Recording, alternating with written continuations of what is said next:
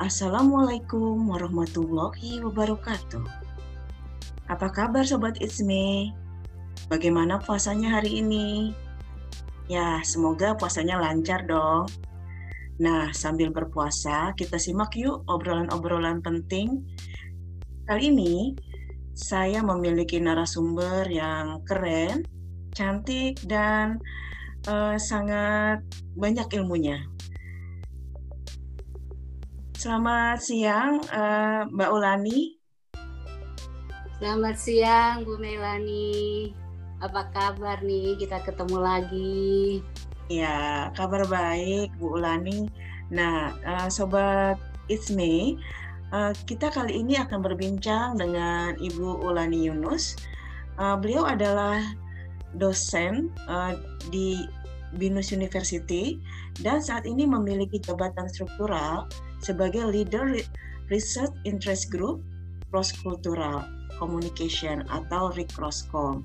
Nah, kali ini kita akan banyak berbincang-bincang tentang riset juga uh, apa sih pentingnya dosen bergabung atau mungkin uh, memiliki uh, sebuah fokus pada salah satu lembaga riset.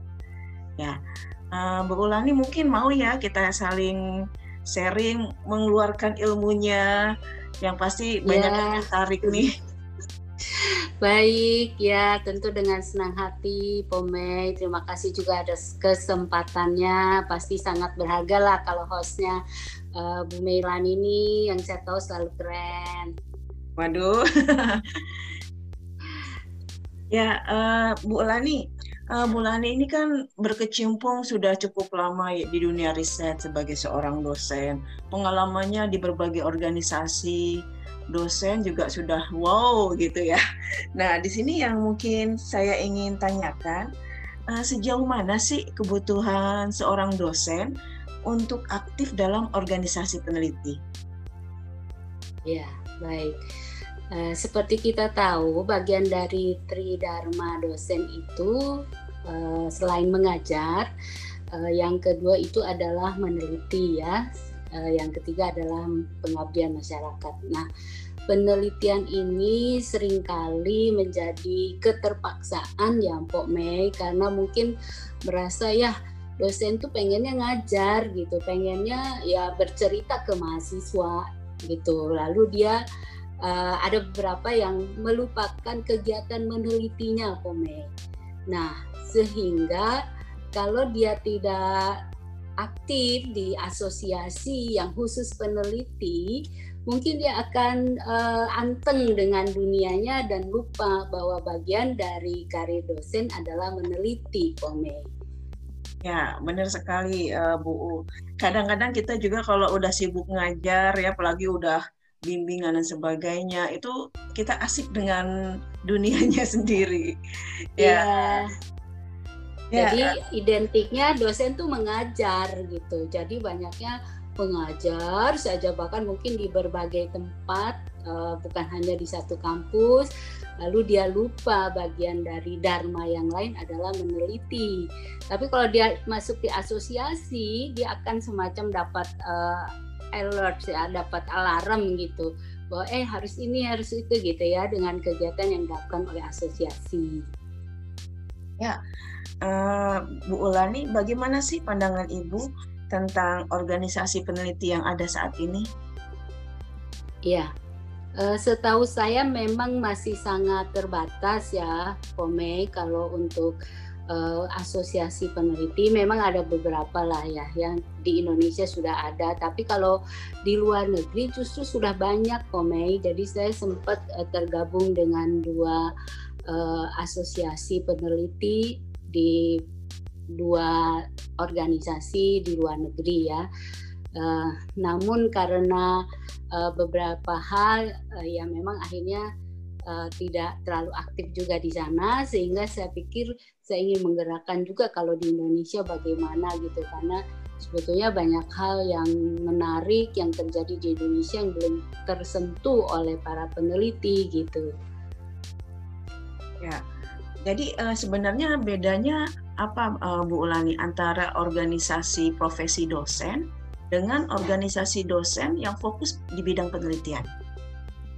Ya, kalau ya tadi kebanyakan dosen itu mungkin ya orang sudah sudah mulai paham ya bagian dari mengajar juga meneliti. Karena dari hasil penelitian itu justru akan memperkaya uh, seorang dosen ketika dia berbagi dengan para mahasiswa bahkan kalau aktif di asosiasi ini ada kemungkinan mengajak mahasiswa untuk juga lihat uh, dunia nyata. Karena melalui penelitian sebetulnya ya seharusnya semakin melek apa yang terjadi gitu. Jadi kalau fokus di kedosenan yang tanda petik mengajar itu uh, identiknya hanya berbagi berbagi dari apa yang dibaca, tapi juga lupa melakukan penelitiannya untuk mengkonfirmasi beberapa yang tertulis yang kebanyakan di uh, textbook textbook itu, Pome.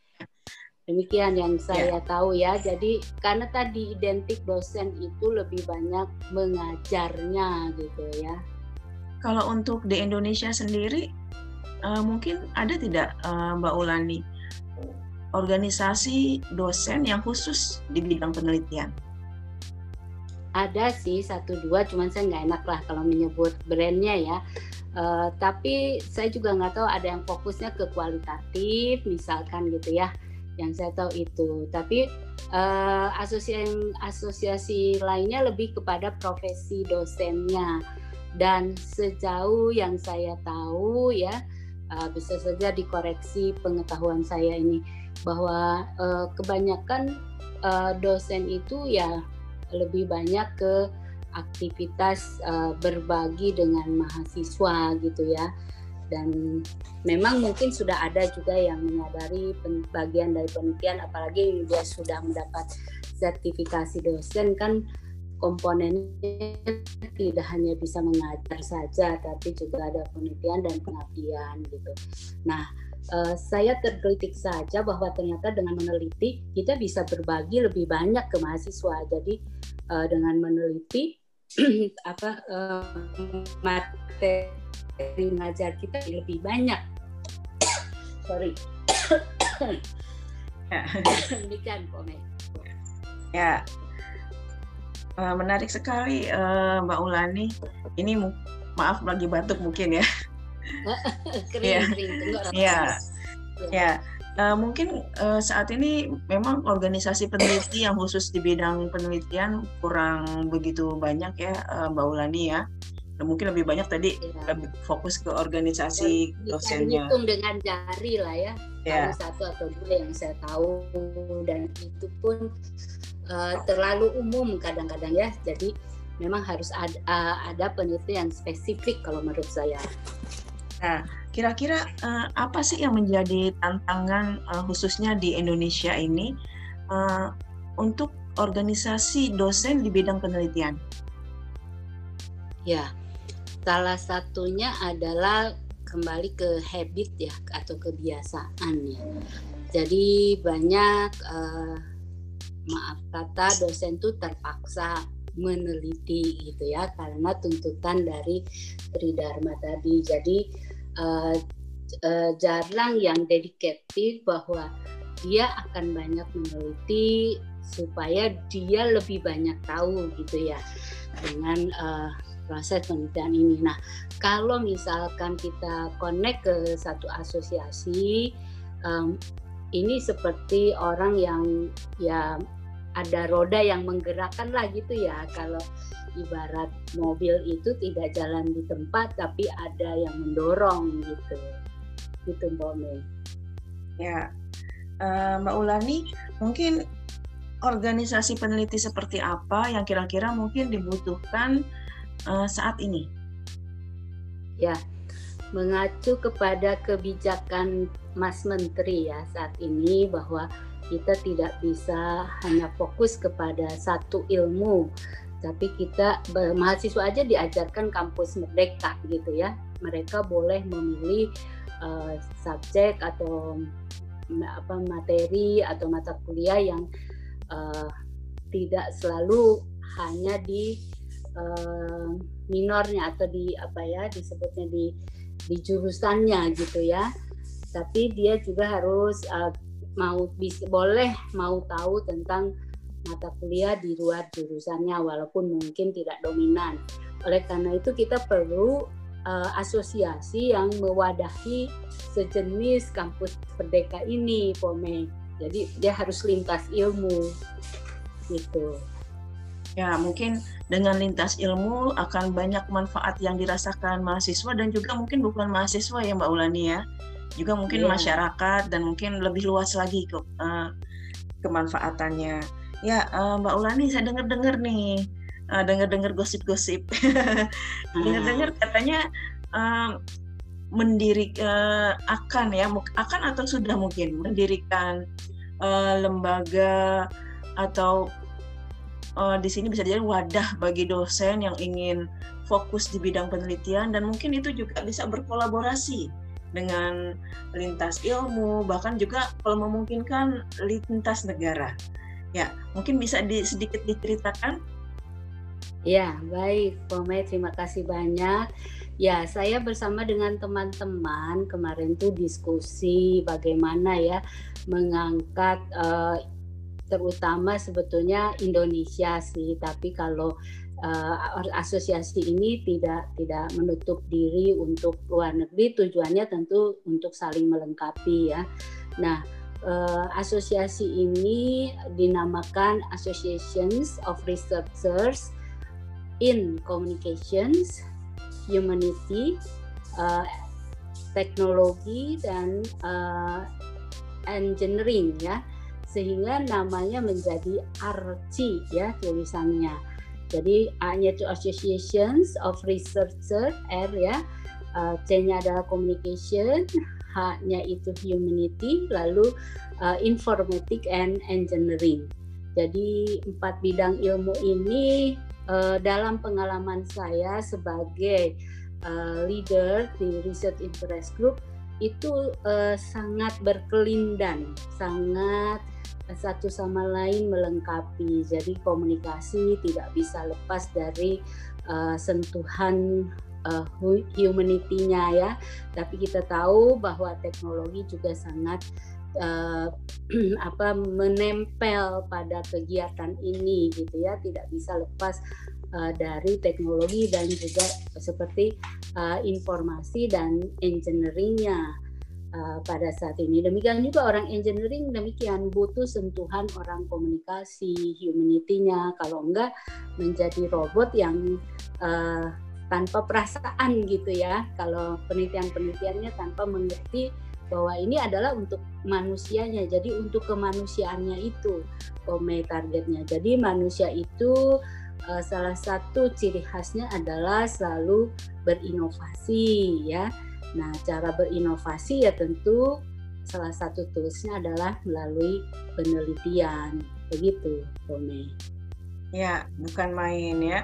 Uh, kira-kira RC ini sudah launching sudah berdiri atau uh, memang uh, baru berupa gagasan, Mbak Ulani? Uh, sudah dibentuk pengurusnya POME dan tanggal 22 April itu akan menjadi momen untuk peluncuran RC ini yang uh, bentuknya dalam uh, launchingnya dalam bentuk uh, webinar di mana kita mengundang uh, tiga narasumber yang memang uh, di tiga bidang yang uh, menaungi peneliti yang dibentuk oleh Arci ini.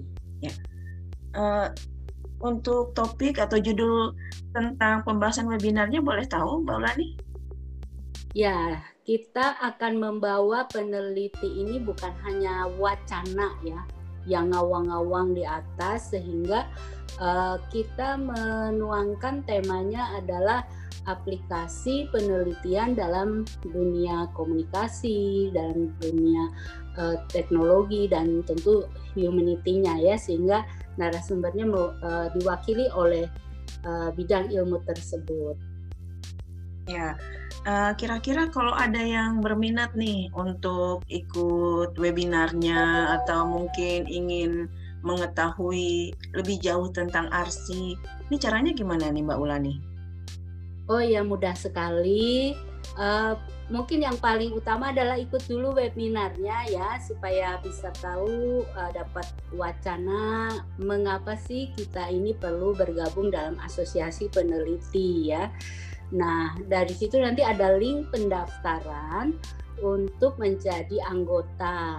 Nah, tentu syaratnya adalah dia memang sudah menjadi peneliti, jadi bukan ah baru berangan-angan jadi peneliti. Nah, ciri dari peneliti itu dia sudah memiliki uh, karya ilmiah yang disebut dengan artikel atau jurnal ilmiah itu salah satu ciri dan mungkin ada beberapa kriteria ya untuk menjadi uh, anggota dari asosiasi ini.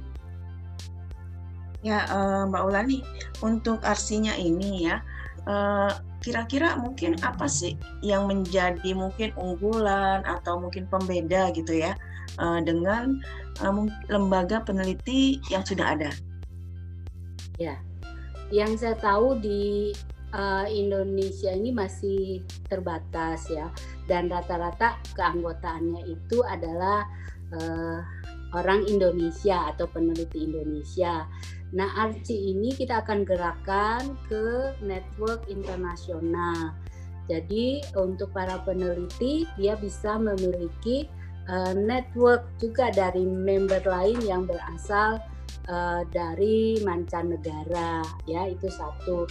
Kemudian uh, bidang ilmunya adalah lintas gitu ya jadi tidak fokus. Yang saya tahu hanya ada beberapa fokus ke satu keilmuan sehingga ketika misalkan ada tema penelitian yang harus uh, memiliki kompetensi dengan berbagai uh, bidang ilmu itu suka kesulitan mencari partner ya. Tapi kalau bergabung di asosiasi ini uh, diharapkan uh, itu dapat memfasilitasi atau mempermudah untuk mencari mitra salah satunya. Ya, kira-kira kalau seandainya uh, ada seorang peneliti, tapi dia bukan dosen, kira-kira mungkin nggak nih Mbak Ulani untuk bergabung dengan ARSI? Iya betul sekali, Pome. Jadi uh, ini bukan hanya dosen, walaupun tadi kita sudah memulai dengan uh, karakteristik dari dosen ya. Tapi sebenarnya untuk uh, kan ada yang memang dia adalah profesinya sebagai peneliti. Jadi itu juga bisa uh, bergabung, welcome untuk mereka sehingga uh, bisa saling melengkapi. Kalau dia adalah uh, praktisi, jadi dia berada di dunia industri dan diposisikan sebagai peneliti, ya uh, biasanya R&D mungkin ya research and development. Nah ini bisa disupport nih sama para akademisi gitu, Pome yang memang lebih uh, ininya memang kalau akademisi kan banyak ke wacana salah satunya kalau penelitiannya lebih banyak penelitian dasar tapi mungkin ini juga uh, bisa membuat uh, menggulirkan satu kalau kayak snowball tuh ya uh, menjadi uh, bola yang makin memperbesar sehingga industrinya makin terdukung dengan konsep-konsep yang ada dari para akademisi begitu Mbak Mei. Ya, bukan main ya. Uh, tujuan mungkin keberadaan RC ini bukan hanya sekedar mungkin kolaborasi antara dosen, antara peneliti, tapi juga memungkinkan membuka kerjasama dengan pihak industri. Ya, ya. Itu, ya. itu salah satu targetnya. Jadi saling melengkapi si industri dibantu oleh akademisi, si uh, karena mereka juga salah satunya adalah keterbatasan waktu misalkan ya si industri. Nah, bisa disupport oleh uh, tim dari akademisi dengan uh, konsep-konsep yang ada sehingga melengkapi dalam praktek uh, industrinya. Ya, uh, mungkin satu lagi untuk tadi uh, persyaratannya disampaikan adalah dosen yang sudah pernah meneliti. Nah, bagaimana hmm. mungkin uh, dosen yang mungkin uh, pengalaman menelitinya mungkin masih kurang, tapi dia berminat hmm. untuk gabung dengan ARSI. Apakah itu memungkinkan, Mbak Ulani, untuk bisa bergabung menjadi yeah. anggota ARSI? Dia cukup menunjukkan pernah menulis artikel ilmiah, misalkan ya, uh, atau dia sedang uh, memiliki proyek penelitian walaupun mungkin baru tahap awal masih oke okay. tapi kalau tidak dua tidak ada dua aktivitas itu khawatirnya dia akan uh, apa terseok-seok ya jadi lebih baik kita sarankan untuk membuat dulu artikel ilmiah dan uh, membuat satu proyek penelitian uh, kalau itu sudah bisa dibuktikan baru bisa bergabung di ARCI ini ya jadi uh, ini kesempatan juga mungkin bagi dosen yang kurang memiliki pengalaman untuk belajar banyak di ARSI gitu ya Mbak Ulani ya. Iya betul ya. untuk sering melengkapi. Jadi ya. bukan berarti kita batasi ya mereka yang belum meneliti itu uh, kita reject, tapi sebaiknya kita beri kesempatan dia buktikan dulu dia menulis artikel atau apa gitu supaya uh, dianya tidak terbeban berat gitu uh, kalau uh, hanya baru minat tapi belum teruji gitu loh ya minatnya itu gitu loh um, Pomei maksudnya. Uh, mungkin pertanyaan saya yang terakhir ini benar-benar terakhir. Kira-kira uh, nanti uh, kegiatan-kegiatan arsi itu seperti apa saja sih Mbak Ulani? Ya, yang pasti mungkin untuk awal-awal itu lebih kepada uh, sharing tentang hasil-hasil penelitian. Lalu mungkin uh, untuk menggandeng network kita akan connect uh, hasil sharing ini bersama-sama dengan beberapa negara mungkin ya. Kebetulan para pengurus ARC ini uh, sudah punya network dengan uh, di negara-negara lain baik dengan peneliti maupun dengan akademisi ya sehingga bisa bisa lebih cepat uh, pergerakan uh, kegiatannya gitu komen.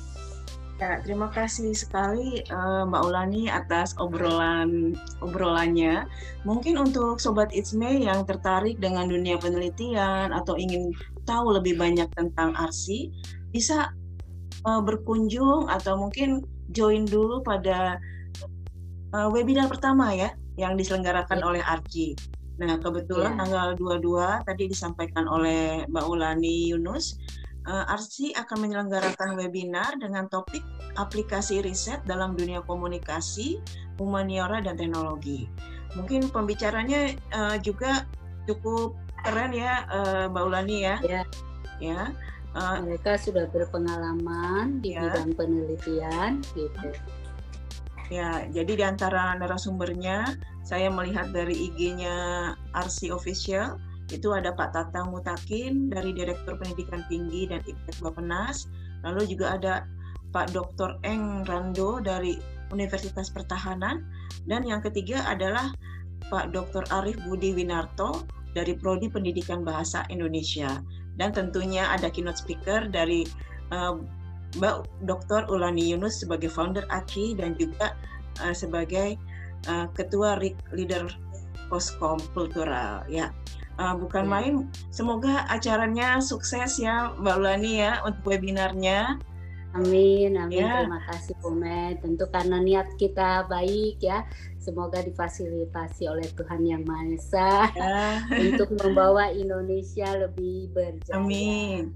Ya, uh, Sobat Isme yang mungkin tertarik ingin gabung dengan webinar yang diselenggarakan oleh Arci, ini juga uh, free ya, free seminar. Yeah. Jadi uh, bisa langsung registrasi, uh, mungkin bisa dicatat Sobat Isme kepada uh, http titik dua uh, garis miring titik dua bit.ly garis miring w besar webinar hanya besar arci ya jadi bit.ly garis miring webinar Arsi atau bisa juga berkunjung ke sosial media Arsi kita sudah punya IG dan juga sudah memiliki Facebook. Nah, sobat Isme, mungkin eh, bincang-bincang saya dengan Mbak Ulani Yunus ini masih banyak lagi yang akan dibicarakan tapi sepertinya ini sudah hampir 30 menit ya. Nanti mudah-mudahan uh, ada kesempatan dan waktu yang berbeda ya Mbak Ulani ya untuk ngobrolin yang lainnya yang tentunya siap, bikin siap, siap. ya bikin rekan-rekan dosen atau mungkin rekan uh, mahasiswa menjadi uh, lebih antusias dengan dunia riset. Iya. Ya, mungkin Baik. sepatah kata terakhir dari Mbak Ulani Yunus tentang dunia riset silakan. Ya, saya ingin menyampaikan bahwa melalui riset ternyata pandangan saya lebih banyak terbuka ya. Kalau dikatakan buku adalah jendela dunia, maka penelitian itu adalah dunia itu sendiri ya, yang kita uh, jalani, yang kita injak, yang kita nikmati, yang kita uh, hidup di dalamnya itu adalah penelitian. Ya, bukan main. Memang uh, pengetahuan itu luas dan memang dengan riset kita bisa menemukan mungkin banyak manfaat dan banyak temuan-temuan. Ya, terima kasih uh, Mbak Ulani Yunus. Semoga kita bisa jumpa lagi di sesi yang berbeda dan tentunya dengan topik yang berbeda yang lebih syarat uh, manfaat dan mungkin lebih asik untuk didengarkan. Ya, uh, ya, sobat. Sama-sama.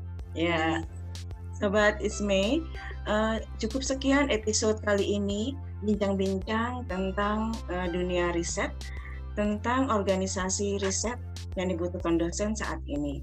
Ya, Sobat Isme, ambil positifnya, buang negatifnya. Semoga kita tetap sehat dan semoga kita selalu dilindungi oleh Tuhan Yang Maha Esa. Sampai jumpa uh, sampai jumpa Sobat Isme di episode berikutnya. Sampai jumpa. Dadah. Assalamualaikum. Terima kasih Mbak Ulani. Baik.